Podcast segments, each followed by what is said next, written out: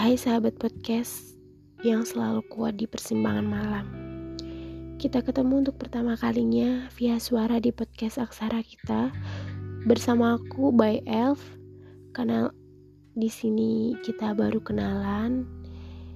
Aku nggak akan nyoba bahas yang gimana-gimana dulu, tapi nantinya aku akan ngebawain topik ataupun kisah yang mungkin bisa menjadi inspirasi atau malah menjadi motivasi buat kalian untuk melupakan sesuatu yang gak kita yang gak harus kita inget dan malah menjadi beban buat kita.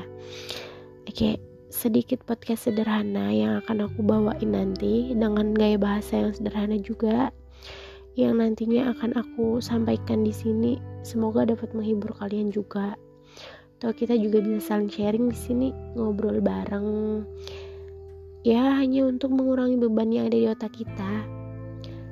Tapi pernah gak sih kalian di tengah malam keinget secuil peristiwa gitu beberapa tahun silam tentang seorang yang ada di hidup kita?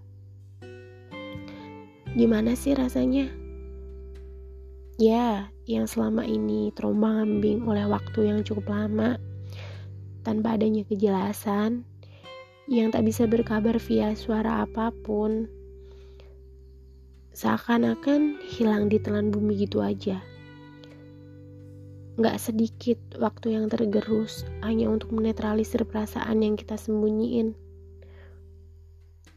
Kupikir cinta itu gak akan rumit kok kalau kita gak menyampaikannya.